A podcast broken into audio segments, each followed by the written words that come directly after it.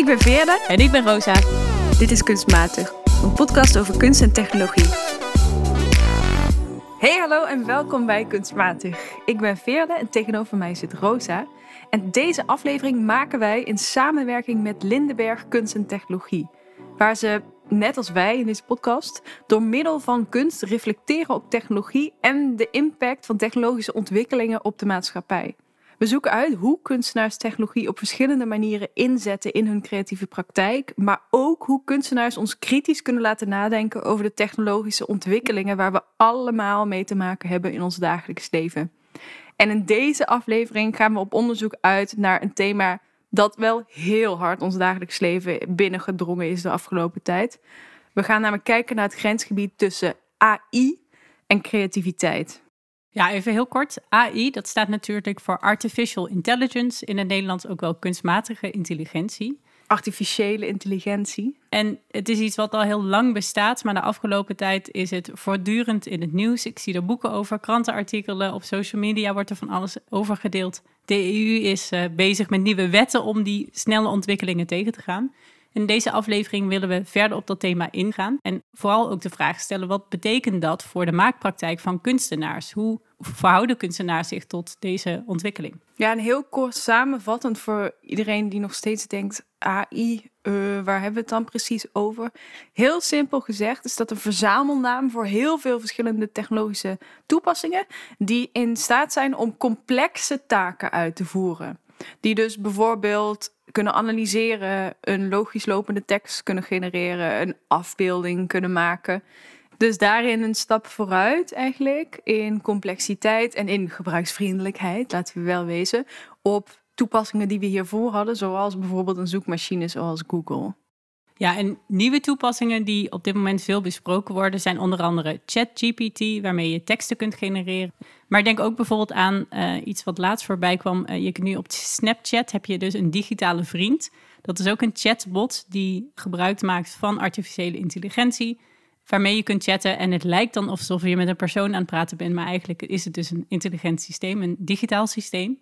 En dan zijn er nog de programma's die dus beelden maken, zoals Midjourney, zoals DALL-E. En als je nu zit te luisteren en je denkt, daar heb ik allemaal niks mee te maken, waarschijnlijk wel. Want ook als je kijkt naar bijvoorbeeld Siri in je telefoon, is dat in zekere zin ook al een soort AI-assistent.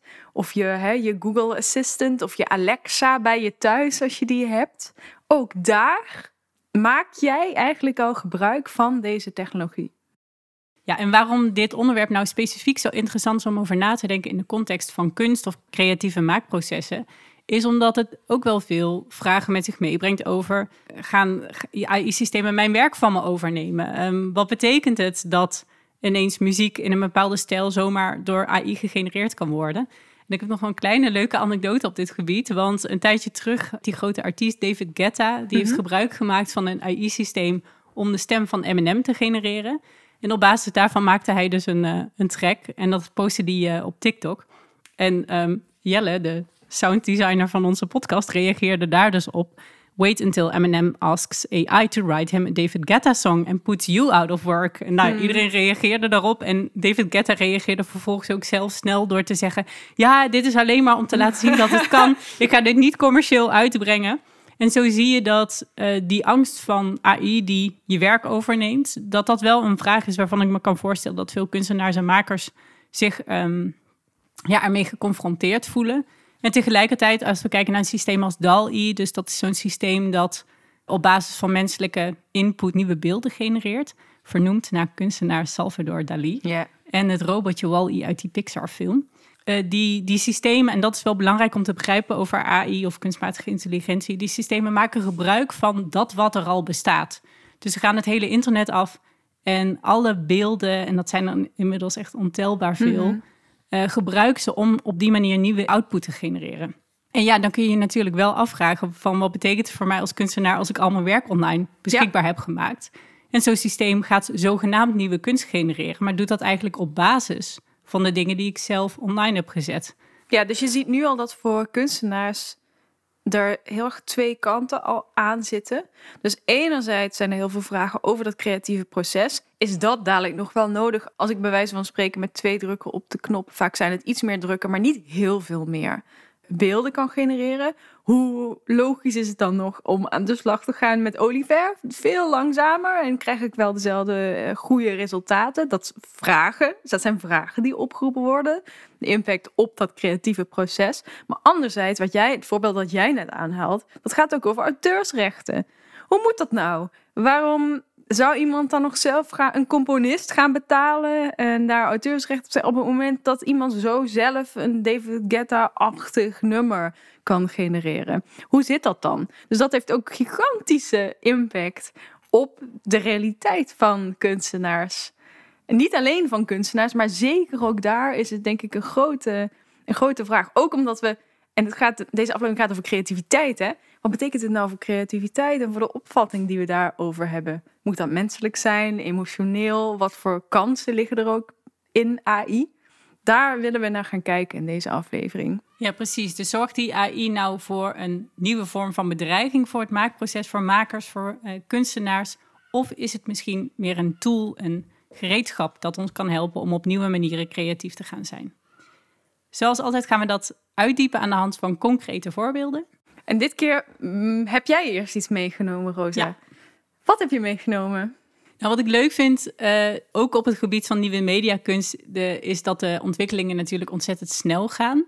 Maar toen we in de voorbereiding naar deze aflevering aan het denken waren over wat mooie projecten zouden zijn bij dit thema, moest ik meteen werken aan een kunstwerk uit 2017. Dus, nou ja, vijf jaar geleden met de ontwikkelingen die snel gaan. Of nee, zes, zes jaar geleden is dat dan al relatief um, een tijdje terug. uh, en ik vind het mooi om te zien dat dit werk hernieuwd super relevant is geworden. Dus daar wil ik het graag over hebben. De titel van het werk is I'm Here to Learn So.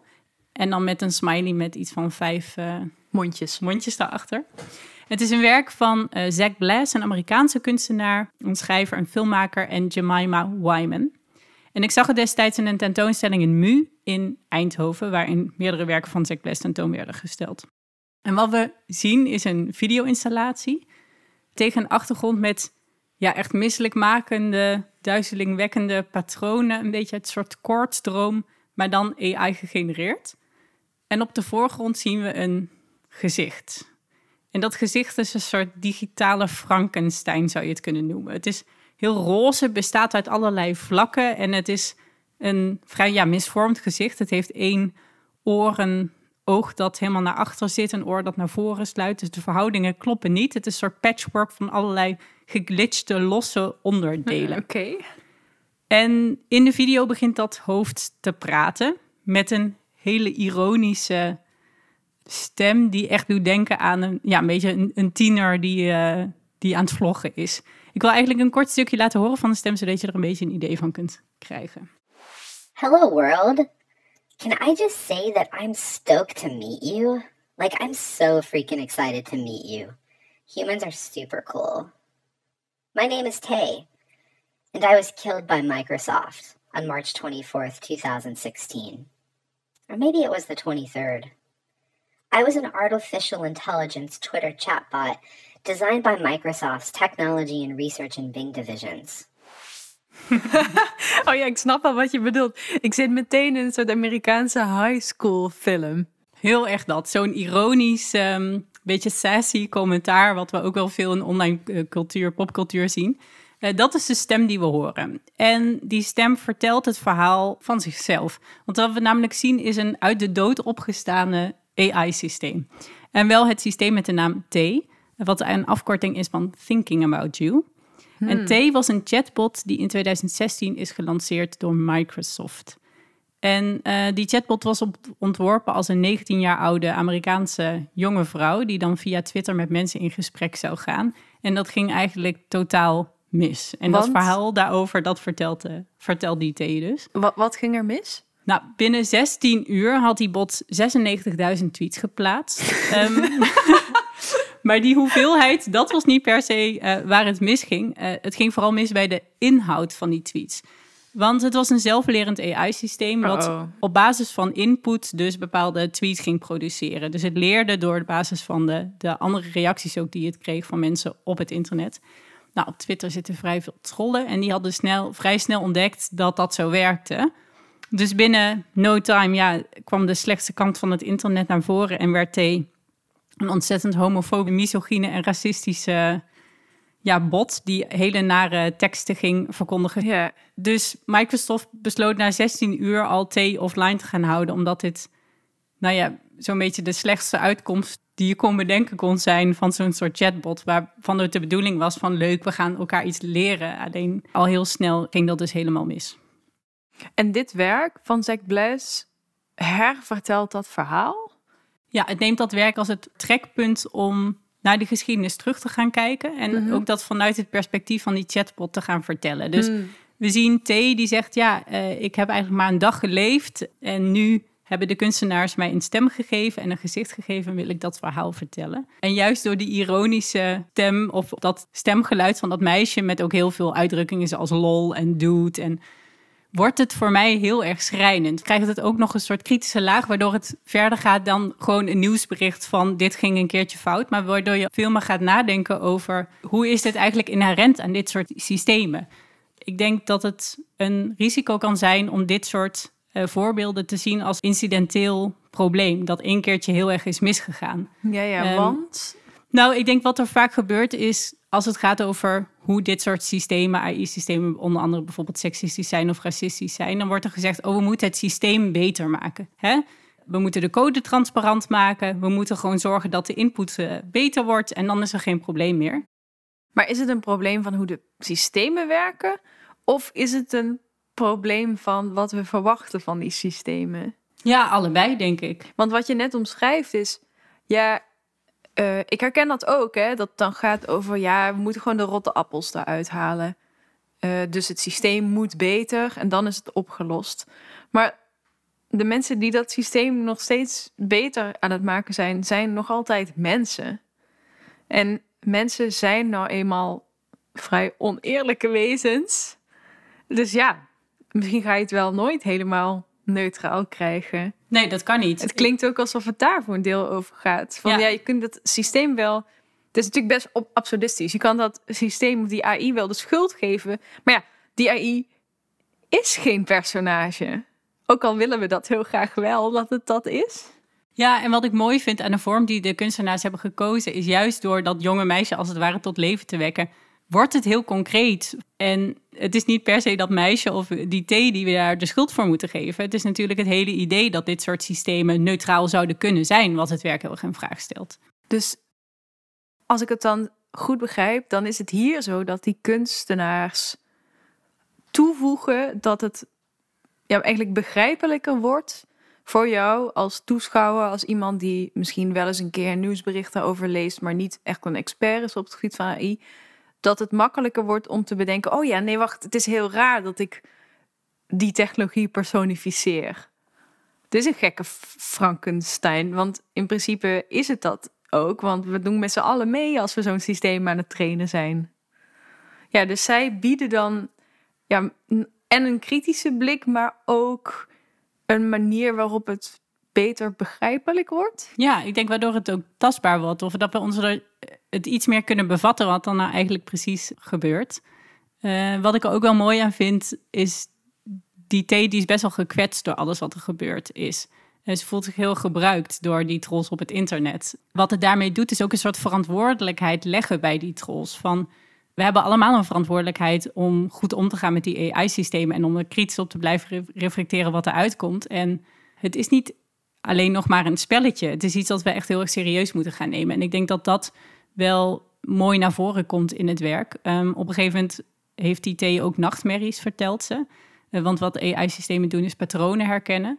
Eh, en ze zegt, ik heb op een gegeven moment allemaal een soort nachtmerries, koortsdromen... waarbij ik gewoon niet meer kan zien met het stoppen met het zien van patronen... ook al zijn ze er niet meer. Dus wordt een heel beklemmend idee van al die verantwoordelijkheid... of die opdrachten die we aan dit soort AI-systemen geven. En ook een soort eenzaamheid daarin.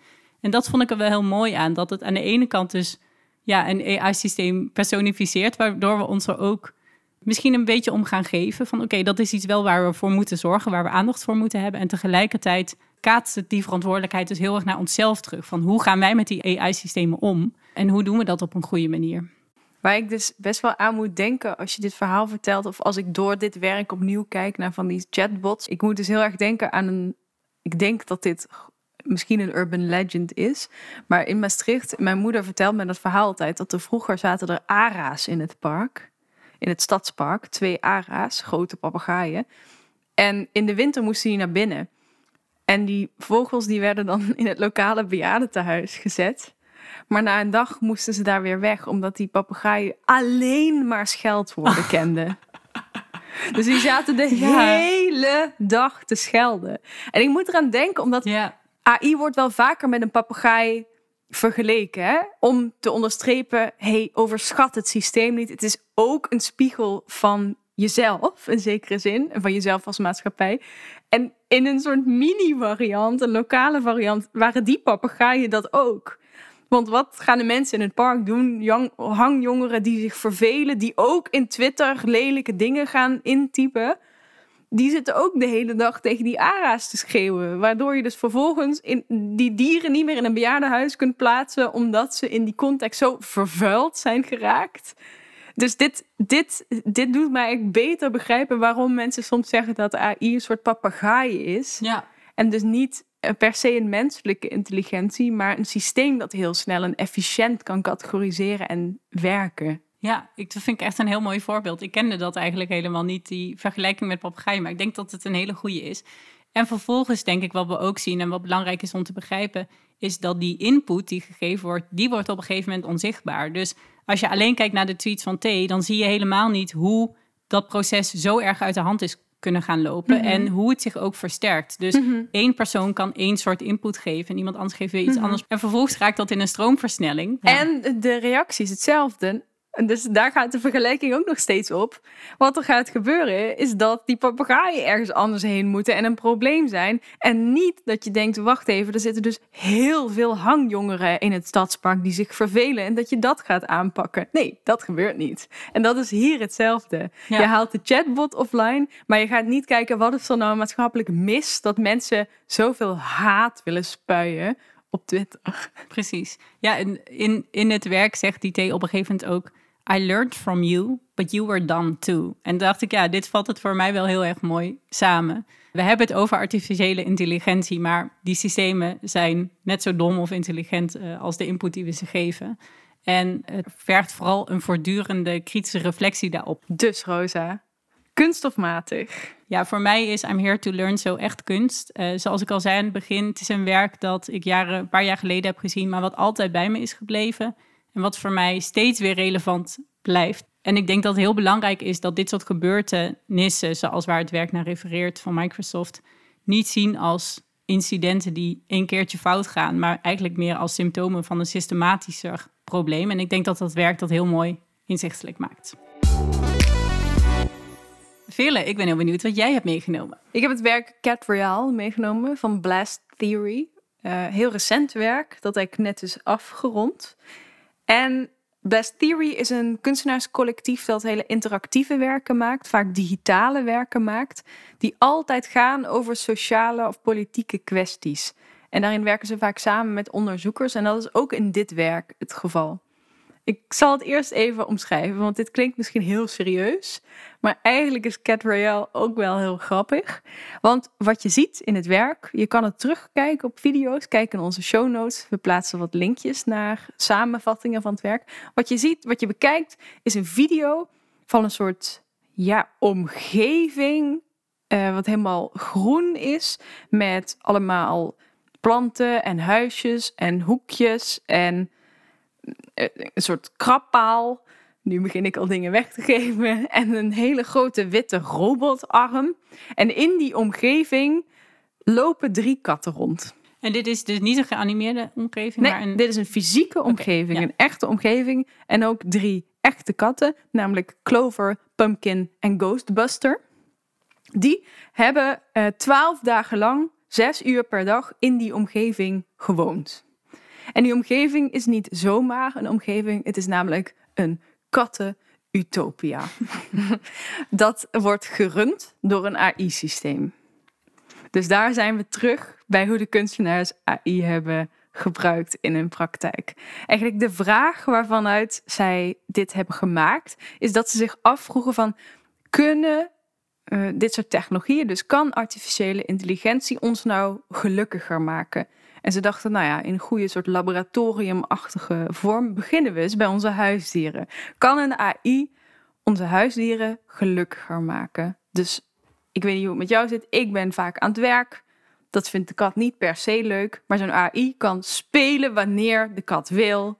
Kan aaien wanneer de kat wil. Dus het is totaal, het initiatief ligt totaal bij Clover, Pumpkin en Ghostbuster in dit geval. Dus het is een werk waarin AI ingezet is op die manier. Dus in de uiteindelijke installatie is dus die robotarm en een camerasysteem met herkenning van wat er om hem heen gebeurt. En die AI zelf, die dus afhankelijk van wat hij detecteert in die ruimte, in dat utopia, verschillende dingen initieert. Dus, de, dus als hij merkt dat de ene kat wil spelen, gaat hij spelen met de ene kat. En vervolgens, et cetera, et cetera. En hoe ziet dat spelen er dan uit? Is dat met een speeltje of een beetje Ja, allerlei vormen. Dus met een speeltje of met iets weggooien waar die achteraan kan, afhankelijk van de voorkeuren van de kat.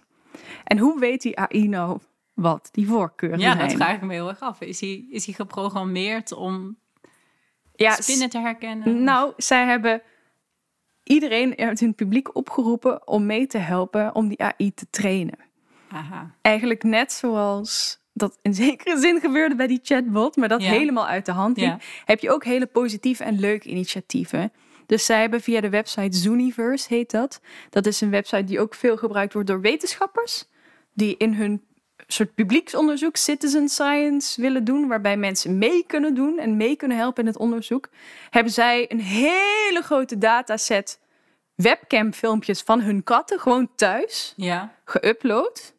En dan kon je helpen met die AI te trainen. Dat heb ik zelf ook gedaan. Dus praktisch gezien wat dat gebeurt is dat je op die website dan inlogt en dan krijg je telkens korte video's, gewoon webcam, home video, video's van een seconde of tien. En dan moet jij klikken wanneer je de kat ziet. Dus je moet hem aanklikken. Mhm. En je moet omschrijven wat er gebeurt. Dus hij stelt je vragen. Is de kat in dit fragment aan het spelen? Is hij aan het liggen? Is hij aan het slapen? Is hij aan het lopen? Is hij aan het rennen? Hoe lang? Uh, hè? En dan vervolgens, en dit is natuurlijk wel een ding, moet je daar ook een soort interpretatie van doen. Hoe gelukkig lijkt de kat hier? Aha. En op die manier hebben zij dus dat je bent de machine learning aan het, hè, aan het voeden op dat moment. En dat hebben zij dus een hele periode gedaan. En vervolgens hebben ze die data gebruikt om die AI in dat utopia beslissingen te laten nemen uh, met de katten. Dus op het moment dat zo'n systeem gaat spelen met een kat of het wat eten geeft, uh, heeft dat mede ermee te maken dat jij het systeem eigenlijk geleerd hebt van nou, op het moment dat zo'n kat heel erg uh, speels uit zijn ogen kijkt, Precies. of op een bepaalde manier gaat be bewegen, dan heeft het zin om te spelen. Exact. Net zoals dat je dat zelf leert herkennen als je een huisdier hebt, dan zie je echt wel wanneer die honger heeft of wanneer die wil spelen of wanneer die gewoon wil slapen. Op die manier heeft die AI dat ook geleerd. Met dat verschil dat die AI 24/7, nou ja, in dit geval dus 6 uur per uur, 6 eh, uur per dag aan één stuk, maar continu beschikbaar is om te voldoen aan de wensen van de kat. En werkte dat, vraag ik me af. Ja, het werkte dus best wel goed. Je kunt, je kunt die livestream 12 dagen lang volgen. En je moet echt even een paar filmpjes bekijken. Ze zijn maar heel kort, het is heel komisch. Mhm. Maar de katten maken een super gelukkige indruk. Ze zijn gewoon aan het verkennen, aan het spelen, aan het chillen. Dus, nou ja, op zich kan ik me heel goed voorstellen dat zo'n systeem een best een aardige kattenoppas is. In ieder geval voor die zes uur per dag. En wat is dan precies de creatieve of artistieke interventie, denk jij, die de kunstenaars hierbij maken? Want het zou ook een soort dystopisch iets kunnen zijn waarbij robots het maar gewoon de zorg van onze huisdieren zomaar voor ons overnemen. Ik weet niet of dat per se iets is wat we zouden moeten willen. Nee, ik denk ook niet dat dat is waar de ehm, naar streven in dit project. Wat ik leuk vind aan het proces zoals dit kunstenaarscollectief het heeft opgezet, is dat ze dus echt hun praktijk in zekere zin open hebben gesteld voor mensen om deel te nemen, om te helpen, om zo'n systeem op poten te zetten.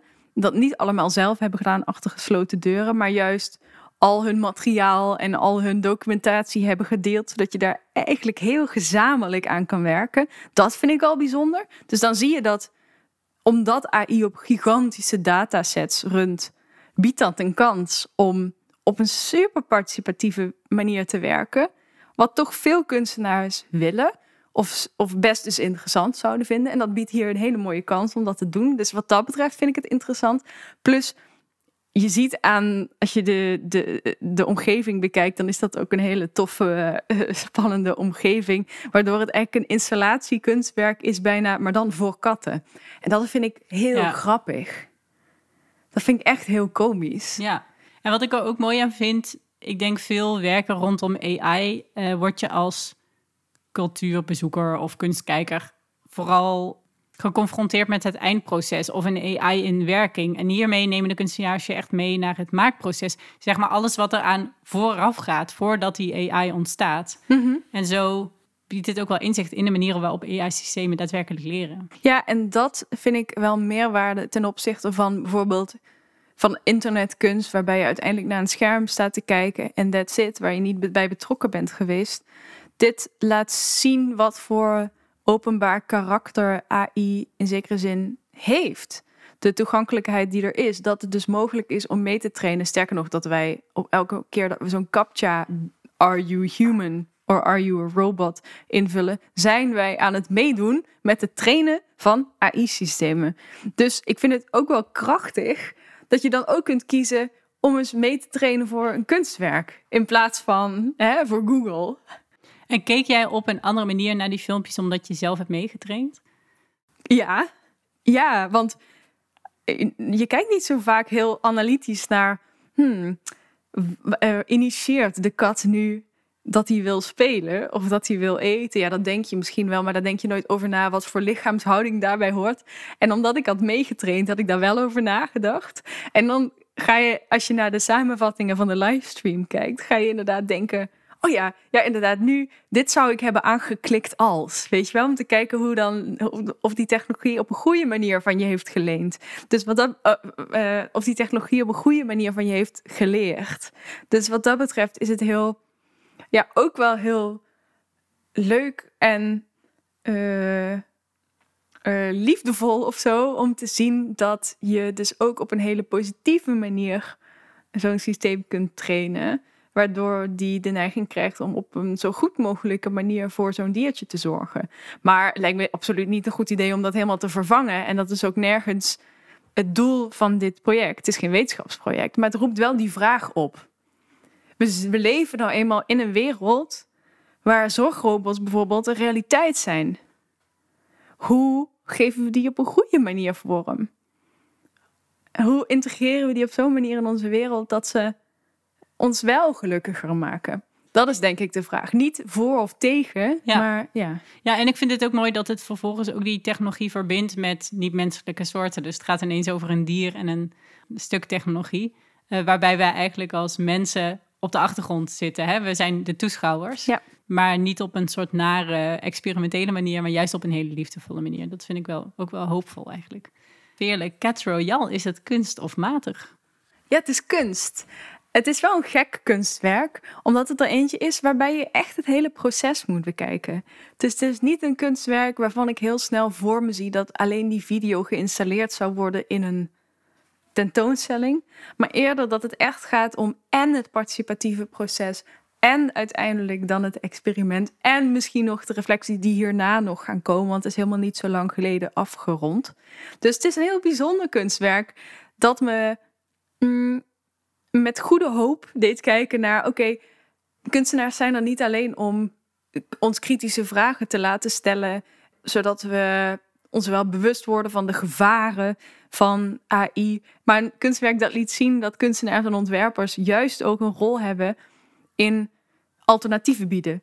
In op een liefdevolle manier te omgaan, op een speelse manier AI ontwikkelen en inzetten. Ons aan het denken zetten over, ja, hoe willen we het dan wel? Want er, is ook, er zijn ook best veel mensen die zeggen, ja, we moeten op een pauzeknop drukken en er moet heel snel wetgeving komen. En die moet er ook komen. Maar het is gewoon niet realistisch om te denken dat het gaat stoppen. Het gaat niet stoppen. Dus dan kunnen we best goed naar, ik denk, kunstenaars en ontwerpers kijken om inspiratie op te doen over hoe het misschien ook zou kunnen.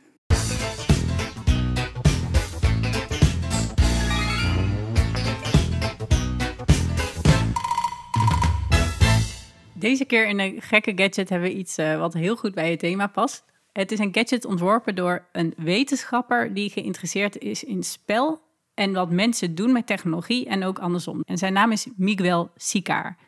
En hij ontwikkelde de app Probably Not. En die app die speelt in op een AI-systeem wat je misschien alles bent tegengekomen als je je fotoalbum op je smartphone bent doorgegaan. Ja, want als je op je telefoon je fotoalbum opent, dan is er in bijna alle gevallen, als je een smartphone hebt, ook een kopje zoek. En daar kun je naast dat je een plaats zoekt, kun je daar ook gewoon woorden invullen. Dus als ik nou bijvoorbeeld in mijn album het woord, uh, even denken, voet intyp, dan geeft hij mij eh, twee suggesties: voetpad of voetenbank. Nou, voetenbank. Twaalf resultaten. En dan krijg ik dus foto's waarvan hij denkt, ik zie trouwens vooral heel veel krukken, en waarvan de, mijn telefoon zelf analyseert wat voor objecten en dingen en mensen er te zien zijn in mijn foto. Dit doet je telefoon dus. En de gadget van deze week, de app, kun je gewoon downloaden. Die probeert ons daar op een speelse wijze ja, inzicht in te geven of uh, op een speelse wijze kritisch toe te verhouden. Ja, en Probably Not heeft uh, nou ja, twee uh, opties voor je. Je kunt foto's erin zetten en dan vertelt hij je wat het absolutely not is. Dus wat zeker niet op deze foto staat. En probably not. Dus dan maakt hij een net foute gok. Eigenlijk een beetje zoals mijn telefoon net ook deed bij die vo voetenbank. En dan een kruk en een stoel uh, laten zien.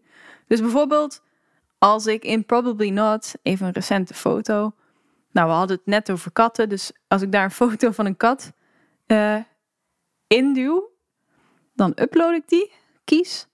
En dan zegt hij nu dat het probably not a space heater is. het is nou inderdaad, nou ja, mm, ligt eraan hoe je het interpreteert en hoe dichtbij het dier komt liggen. Ja, en ik heb bijvoorbeeld een foto van een plant, een kamerplant bij mij. En dan zegt hij: This is absolutely not an impala. Nou, goed om dat te weten, dat, het, uh, dat ik geen wilde dieren in mijn, uh, in mijn huis heb zitten. uh, en wat je daarnaast ook kunt doen, is een soort spel, waarbij je een, als het ware een opdracht krijgt. En waarbij je iets moet zoeken wat het niet precies dat van de beschrijving is, maar het met een twist eventueel wel zou kunnen zijn. Dus ik kreeg bijvoorbeeld de vraag: zoek een screwdriver, dus een schroevendraaier. En ik maakte een foto van een pen en toen gaf hij inderdaad aan van, nou ja, dit is niet letterlijk een schroevendraaier, maar het zou het wel kunnen zijn. Je zou het er wel voor kunnen gebruiken. Dus bij die game ben je misschien die app ook verder aan het trainen hè? om probably not. Want die absolutely not is echt makkelijker, want dan hoef je alleen maar te detecteren wat het wel is en gewoon totaal iets tegenovergesteld zeggen. Maar die probably not is interessant, want die fout maakt je telefoon onbedoeld ook de hele tijd. Dat je denkt, ja, dit is denk ik dit. Maar dan zit hij er soms ook naast. Bijvoorbeeld mijn cavia, die stond heel vaak in mijn telefooncategorie als hond. Oh, Oké, precies. Ja. Probably not. Nou, het is een hele speelse gadget. Leuk om een keer uit te proberen. En wat je er vooral mee doet, is even duiken in het systeem van een AI. Um, en proberen vanuit die blik te kijken. Om daardoor vooral ook tot de conclusie te komen dat dit systemen werken op basis van patroonherkenning. En dat is iets anders dan daadwerkelijk begrijpen wat je ziet. Op een sokkeltje. In Op een sokkeltje zetten we altijd een werk in de spotlight die dat verdient in het kader van het thema. En dit keer is het het werk Objective Portrait van Vera van der Burg en Gijs de Boer. Een werk dat tentoon stond gesteld op de Dutch Design Week afgelopen najaar in Eindhoven. En het is een werk van twee jonge ontwerpers dus, waarin ze zich afvragen of je ook een subjectieve algoritmes kunt trainen. En wat je daar dan precies aan hebt als kunstenaar zijnde. Ja, in het werk worden nogal verschillende begrippen van subjectief en objectief gebruikt. Dus het gaat, uh, de titel van het werk is Objective Portrait, uh, wat vooral ook verwijst naar het feit dat er een portret van objecten wordt gemaakt.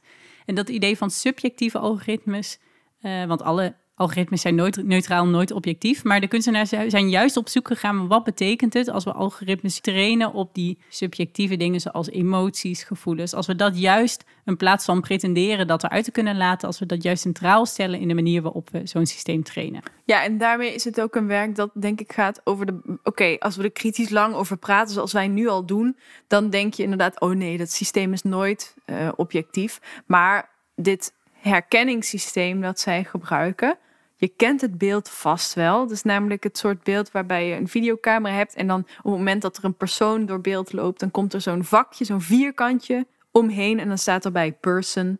Of als je een beker vasthoudt, komt daar een vierkantje omheen, dan staat erbij beker voor je telefoon, et cetera, et cetera. Dus is objectief in de zin van beschrijvend van wat je zelf ziet. Uh, en hoe wij hebben afgesproken dat we dingen noemen. Maar wat jij zegt inderdaad, ze gaan subjectieve algoritme trainen, waarbij je zo'nzelfde soort vakje krijgt, maar dan allerlei interpretaties en gevoelens erbij. Dus dan kan het maar zo zijn dat er ineens bij een pompoen staat teasing. Hoe? Geen idee, maar dat hebben ze het, het algoritme geleerd. Ja, wat ook leuk is, er staan ook getallen bij en die geven een percentage aan. Dus voor hoeveel procent is het zeker dat dit inderdaad teasing is? Of ik zag ergens anders ook bijvoorbeeld de categorie intrigerend. Dit is 0,71 procent zeker een intrigerend object. um, en het mooie daarvan is dat ze ons ineens heel anders naar objecten laten kijken. En die objecten, dat is dus wat centraal staat in dit kunstwerk. Ja, je moet je voorstellen, het is een installatie met uh, een aantal schermen. En op die schermen zie je een video. Maar die video lijkt het grootste gedeelte van de tijd een, een stilleven. Dus je ziet ja, allerlei objectjes en een bankje en spulletjes. Mooi gecomponeerd in allerlei mooie kleuren bij elkaar. Alsof een kunstenaar het klaar had gezet om er een foto van te maken als kunstwerk zijnde. Alleen zie je dan dus dat continu die compositie gedetecteerd wordt en gedefinieerd wordt eigenlijk door dat subjectieve algoritme dat ze getraind hebben. Ja, en door eigenlijk die subjectieve waarde toe te gaan kennen aan die objecten, vragen de kunstenaars zich af: wat zijn nou eigenlijk de relaties tussen ons en de dingen om ons heen? En wat tellen die spullen die we om ons heen verzamelen over wie wij zijn? Dus ik, ik vroeg me ook wel af, als er een compositie of een portret zou worden gemaakt uh, op basis van de spullen om jou heen. Wat is iets wat daarin niet mag ontbreken? Uh, ik zit meteen in mijn woonkamer rond te kijken in mijn hoofd. Ik denk dat er dan een stapeltje boeken zou liggen. Misschien mijn bas. Ik denk ook dat er. Ik heb twee gouden tacklebeeldjes die ik van mijn oma heb gekregen. Die zouden erin staan. Een breiwerkje. Nou, zoiets. Jij? Denk jij meteen aan spulletjes? Ik denk ook wel iets met eten. Dat is natuurlijk vergankelijk. Maar van oudsher staan ook uh, voedselwaren op, uh, op stillevens. Een vlaai, een vlaai. Een vlaai, nou bijvoorbeeld, zou ik iets vervelend vinden. Uh, en ik denk inderdaad ook dingen als foto's of um, kunstdingen met een hele persoonlijke waarde, dat die voor mij heel belangrijk zouden zijn. En ik ben dan ook wel heel benieuwd wat zo'n algoritme daar vervolgens van zou gaan zeggen. Of ze het inviting vinden of misschien wel um, teasing. Mhm. Het interessante aan dat algoritme hier, dat die twee ontwerpers dus hebben getraind zelf, is dat ze daarmee nog een extra vraag stellen over wat voor invloed AI nou heeft op de kunstenaarspraktijk. Want ook een veelgehoord argument als het gaat over van die programma's zoals DALL-E en Midjourney, is dat mensen gaan zeggen, nou ja oké, het zal kunstenaars niet volledig vervangen, want kunstenaars hebben een hele bijzondere manier van denken en van kijken. Dus zij zouden dan weer verbanden leggen en ideeën hebben die niet zomaar iedereen als een prompt, als een instructie in kan voeren in die programma's. En eigenlijk vraagt dit werk zich af: ja, maar zouden we niet juist die hele subjectieve, hele gevoelige manier van kijken van een kunstenaar ook kunnen gebruiken als input om zo'n systeem te trainen? Want dat hebben ze gedaan. Ze hebben hun blikken hun perspectief als kunstenaar, hun creativiteit, hebben ze eigenlijk in, in dat systeem gegoten. En daardoor is dat systeem hele andere categorieën gaan maken. En kan het bijvoorbeeld dus zeggen, nou ja, oké, als je hier in de hoek al iets hebt wat teasing is een object, moet je daar misschien iets comfortabels tegenover zetten, waardoor je ineens een compositie kan maken op basis van de balans die een AI, een subjectieve AI je geeft. Wat ik daar heel mooi aan vind, is dat de kunstenaars ons zo dwingen om verder te kijken dan de gebruikswaarde van een object of de economische waarde van een object. En dat is iets wat we natuurlijk veel sneller zouden verwachten bij dit soort detectiesystemen of herkenningssystemen. En door juist die systemen op een andere manier te, te trainen, worden we ons daar veel meer bewust van. Dat, wat is nou eigenlijk normaal die blik van die systemen en wat is daarmee ook de blik van de kunstenaar? Ja, en daarmee zijn we weer heel erg bij het begin. Want we vroegen ons af hoe kunstenaars zich zowel op creatieve manieren, maar ook op kritische manieren konden verhouden tot de ontwikkelingen op het gebied van artificiële intelligentie. En nu heb ik het gevoel dat we het hele spectrum af zijn gegaan. Want we zagen verschillende smaken. In het werk dat jij besprak, Rosa, I'm here to learn so, zie je heel erg dat kunstenaars de kracht hebben om op een kritische manier, op een beeldende manier, uh, het gesprek aan te zwengelen over wat betekenen die technologische ontwikkelingen nou eigenlijk voor onze maatschappij en wat zeggen ze over onze maatschappij? Dus hoe moeten we op een betere manier kijken, op een kritischere manier omgaan met zo'n ontwikkeling op het gebied van AI? Terwijl in Cat Royale is het eerder hoopvol. Die technologie is er nou eenmaal. Hoe geven we hem vorm? En hoe doen we dat ook op een manier die fijn en speels en tof is en niet alleen maar gaat over hoe slecht. Hoe kunnen we ook het goede voorbeeld geven eigenlijk bijna? En in het werk van Vera van der Burg en Boer wordt perspectief even omgedraaid en gericht op de kunstpraktijk zelf. Al die krachten van de kunsten, zoals die creativiteit, zoals die specifieke manier van kijken, is die wel zo uniek? Kan juist machine learning ook daar een stuk van de taken misschien wegnemen of pikken of ondersteunen? Dat wordt daar bevraagd. Heel veel smaken. Ja, en wat ik mooi vind is dat er ook een overeenkomst is. Want in alle drie de projecten zijn het uiteindelijk wel de intenties van de kunstenaar, de blik waarmee zij naar de wereld en naar die technologie kijken, die dit kunstwerk heeft voortgebracht. Want ook in Zach uh, zijn werk I'm Here to Learn So, wordt gebruik gemaakt van digitale technologie, uh, wordt dat gezicht uh, digitaal gegenereerd. Maar in alle gevallen wordt dat dus daadwerkelijk iets geproduceerd of iets gecreëerd door middel van AI-systemen. Of daarin speelt AI-systeem echt een rol. Uh, maar het blijft nog steeds die blik van de kunstenaar of dat moment waarop kunstenaars denken van hé, hey, hier moeten we iets mee of hier zit een interessante vraag in, we willen er wat mee doen, waardoor het werk interessant wordt. En dat vind ik een hele hoopvolle ontwikkeling, want als we ook wat meer uitzoomen en we kijken naar ja, zo'n Dal-I waarbij je vraagt: mag ik een impressionistisch uh, schilderij van Pikachu?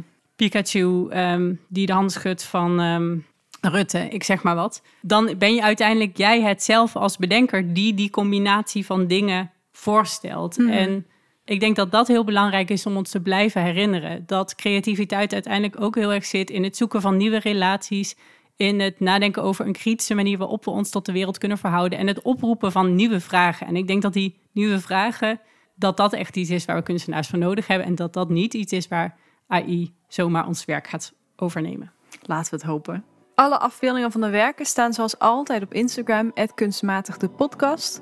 Wil je meer weten over ons of over Lindenberg Kunst en Technologie? Klik op de linkjes in de omschrijving. En dan zien we je heel graag terug volgende maand.